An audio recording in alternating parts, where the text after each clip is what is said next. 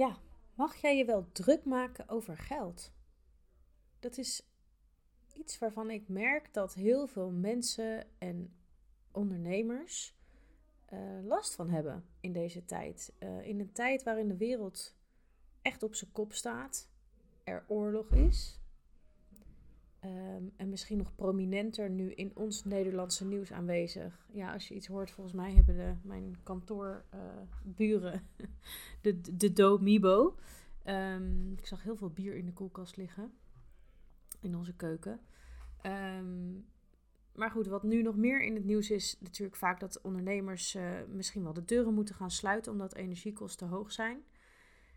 Is het dan slecht dat jij je bezighoudt met het groeien van je vermogen?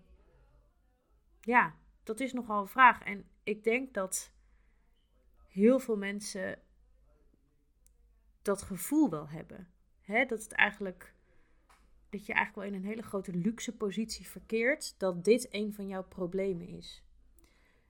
En als ik dan zeg probleem, dan bedoel ik het met het probleem tussen aanhalingstekens dat je bijvoorbeeld behoorlijk wat geld hebt, al dan niet stof staat te vangen op een spaarrekening, uh, al dan niet dat je hier en daar wat aandelen hebt, maar niet zo goed weet wat je ermee moet.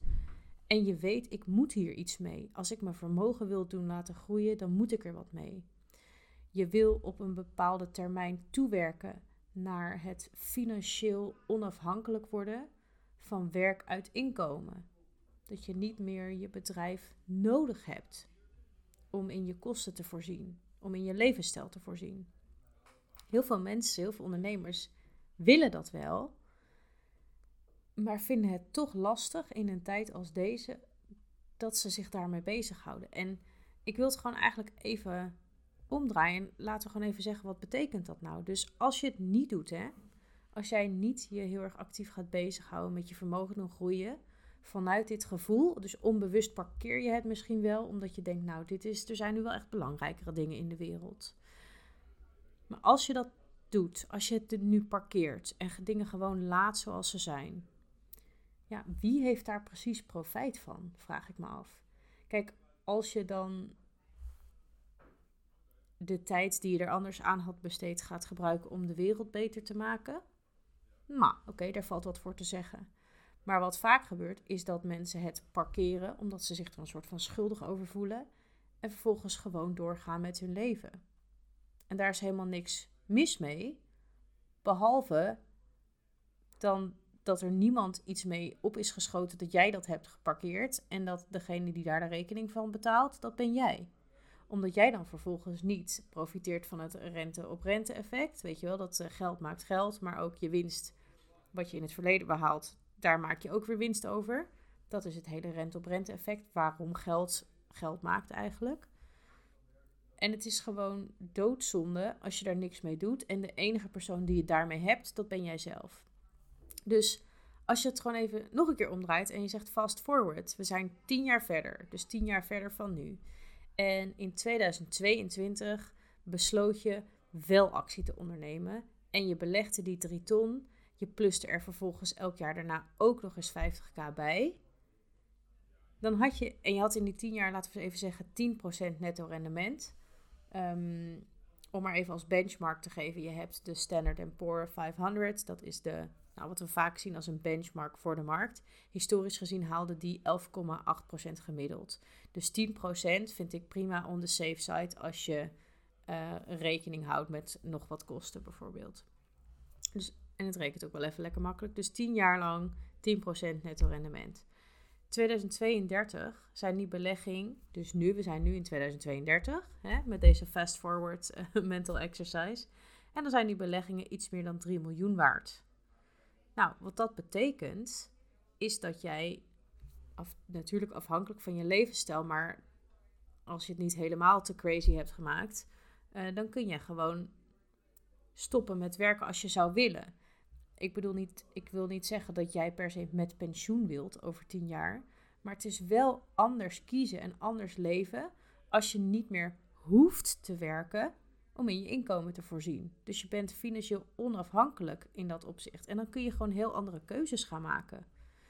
Zou je dan andere keuzes maken waar je misschien niet alleen zelf heel veel voldoening uithaalt, maar ook nog eens fantastisch zijn voor de maatschappij. Kijk, ik heb echt nog wel een lijstje wat ik zou doen.